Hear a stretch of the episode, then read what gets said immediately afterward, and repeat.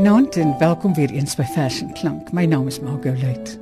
So jaar of 6 gelede het die burger 'n projek gehad waarin hulle weekliks 'n gedig of twee op die kunsblad geplaas het. Dit was dikwels ongepubliseerde verse en die liefhebber van die kuns het die koerant op daardie dag begin lees by die kunsblad. Vanaand gaan ons nou 'n paar van daardie gedigte luister. Ronel Geldenhuys gaan dit vir ons lees. Ons gaan begin met 'n vers van Daniel Higu wat miskien ook soms sy inspirasie uit 'n bottel vonkelwyn kry. Hy noem hierdie vers, hierdie ligte, vrolike vers, Muse. Soos ek gesê het, gaan Ronel Geldenhuys vir ons die verse lees. Vonkelwyn is 'n blonde babbelaar wat graag sprankelend praat. By die regte geleentheid word sy dus gemuilband met 'n draad. En is die oomblik van bevryding daar, trek sy los met 'n knal. Ontelbare borrels spetter en sis sterre van haar heelal. In hierdie bruisende woorde kosmos raak die stomme digter se lippe los. Dit was die vers Muse van Daniel Hugo wat in sy bundel Hanekraai van Protea Boekhuis verskyn het. Nog 'n vers uit daardie bundel is Kwatreindigter wat hy opgedra het aan Henny Oukamp. Die beknelling van die poëtiese vorm is dit wat my puur tot 'n egte stem geluid. 'n Bokkie wat vir oulaas blaar terwyl kronkels van 'n boa konstruktor om hom sluit die beeld van die moedelose digter wat vasgevang word in die vorm wat hy gekies het vir sy vers kom duidelik na vore. Die veelsidige skrywer, digter, akademikus Henny Oukamp was 'n inspirasie vir soveel mense. Ons het nou net geluister na Quatrain digter wat Daniel Hugo vir Henny Oukamp geskryf het. Maar nou gaan ons luister na 'n vers wat Henny Oukamp self geskryf het hier in 2009 dink ek. Oukamp was 'n reisiger. Hy was 'n akademikus, hy was 'n skrywer, hy was 'n prosaïs, hy was 'n hy was soveel sydig. En hy het gehou van reis. En hy was in soveel opwindende plekke. Maar een van die plekke waarvoor hy baie baie lief was, was die Rigtersveld. Kom ons luister na sy vers onder die sand. Dis 'n nama oorlewering en Ronel Geldnys gaan dit vir ons lees. Lekker luister.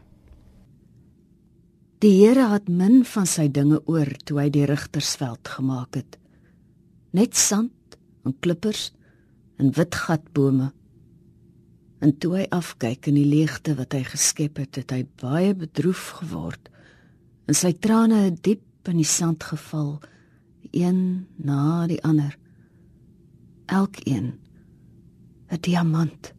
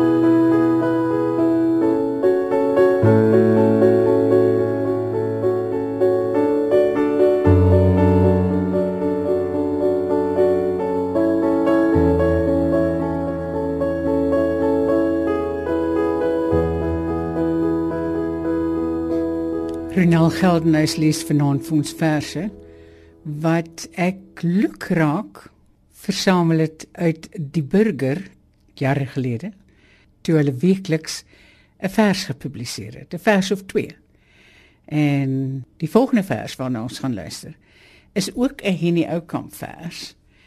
Hy noem dit Kop klip. My hande raak onwennig en ek moet konsentreer wanneer ek in die sandsteen bytel. U wil geskied, o Heer. Of wat die naasbestaandes in die weduwee versoek. Ek het 'n norring tekste in my begrafnisboek. My eie steen is klaar gedres met spreek en al kompleet.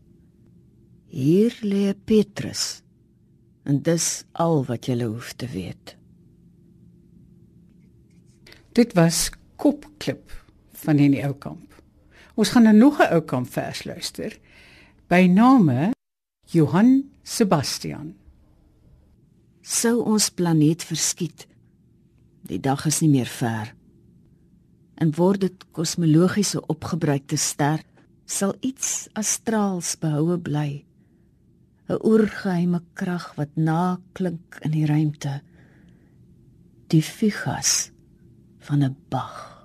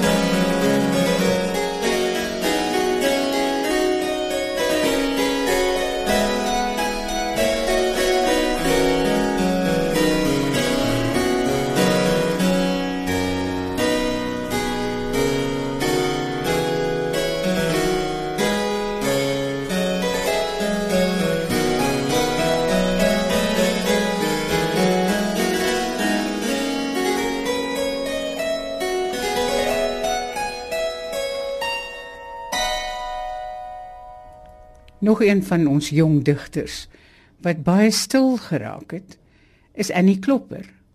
Kom ons luister na 'n vers Metro. Jy's 30, middelklas en in sewe skakerings van pink klim jy die sosiale leer met vroulike hande. Asof dit nooit was nie dat jy 'n halwe leeftyd gelede eelte op jou palms gehad het toe jy op jou oupa se plaas gehelp het om skape te skeer. En nie isie Miyaki Purom vir Kersfees wou hê nie. Maar die son op jou skouers, bruin van swem in die plaasdam, en geruik het soos bloekomblare in seunskind.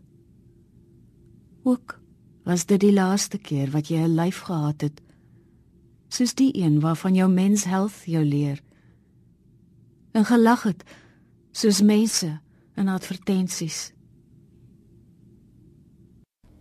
Dit was Annie Klopper se vers Metro. Die vers replika van Sandra Besuidnout het ek ook so in die burger ontdek. Kom ons luister daarna. Na die knal sou uit die stil getik die eerste stippellyne rol om oor millennia in vryings van die palm of die slang se skippatroon te voeg. Tot alles klop. Nou klad in tussenruimtes van saambestaan dieselfde kurwes en strukture getatoeëer soos in die Amazone kom. Die groot gedagte van al. Na Isak de Villiers oorlede is, is daar deur baie mense hulde aan hom gebring. Twee van hierdie mense was Henny Oukamp en Sandra Besuidnout. Kom ons luister na van hierdie verse. Ons begin met 'n vers van Henny Oukamp wat hy semafoor noem. My kouse, nog nat uit die masjien, hang so stersalle oor die draad. En my lakens klap en stuur syne na die wat die lewe verlaat. En dan Oukamp se vers Aandlied. Dood kom oor die bilte. 'n Ou man in 'n kros. En as hy in die leegte is, moet ek my pen laat los en eers ons padkos regkry. Hy sal honger wees, gewis. Twee flessies duineheuning, 'n broodjie en 'n vis. Die huldiging van Henny Oukamp aan Isak de Villiers na hy afgesterf het. En hier kom vers van Sandra Besuidenhout wat sy genoem het Sondagoggend, ook ter herdenking van Isak de Villiers. Met dagbreek hang lente halfmas in die berg. 'n Wolk skuif traag oor Parelrots waar akkerbome hierdie Sondag in skaduwee en lig langs Meelstraat bot. Ook die wat rakelings ontmoet, voel die skryn, die raaiselgang van aankoms en vertrek.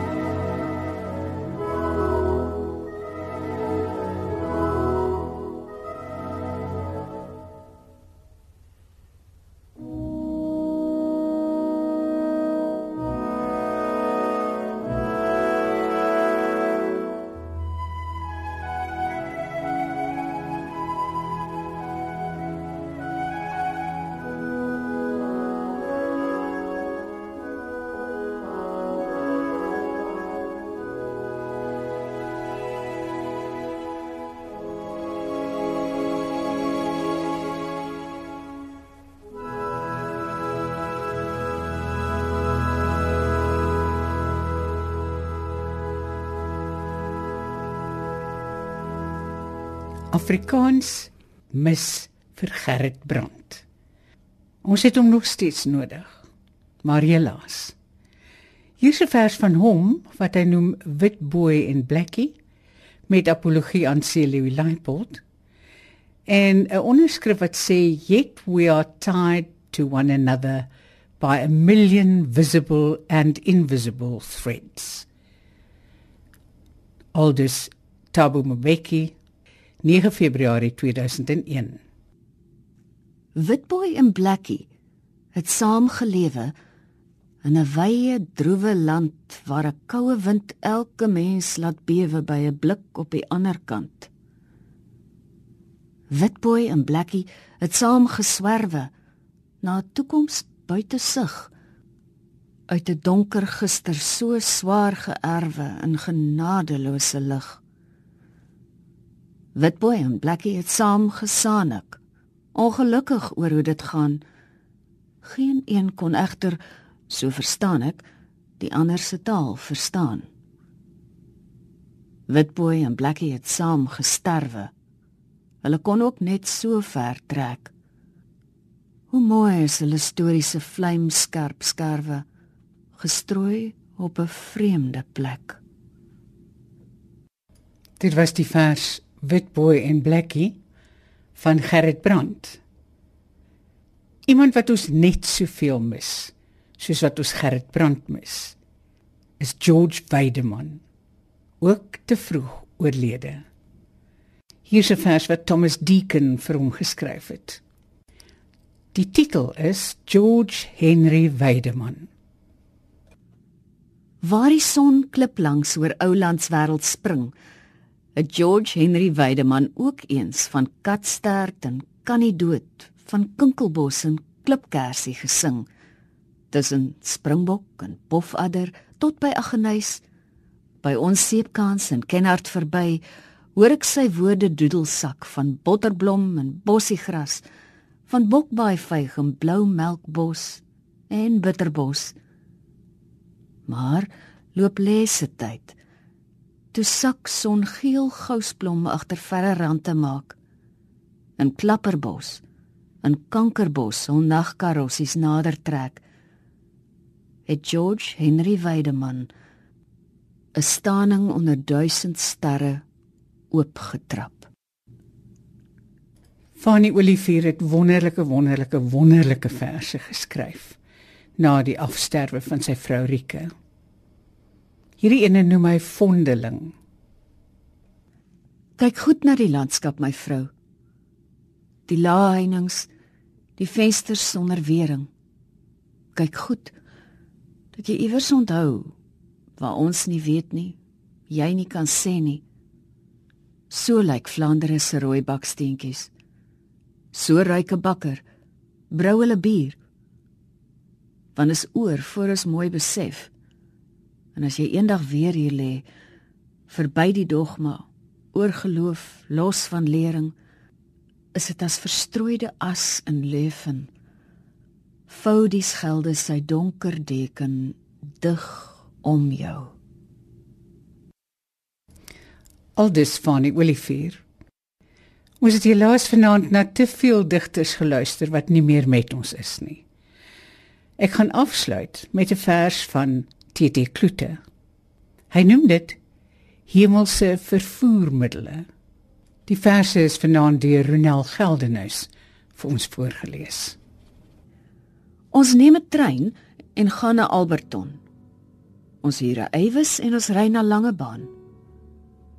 As ons 'n ster as ons bestemming kies, is ons vervoer geheue verlies of kanker of enigiets van TB, vigs of niersteen.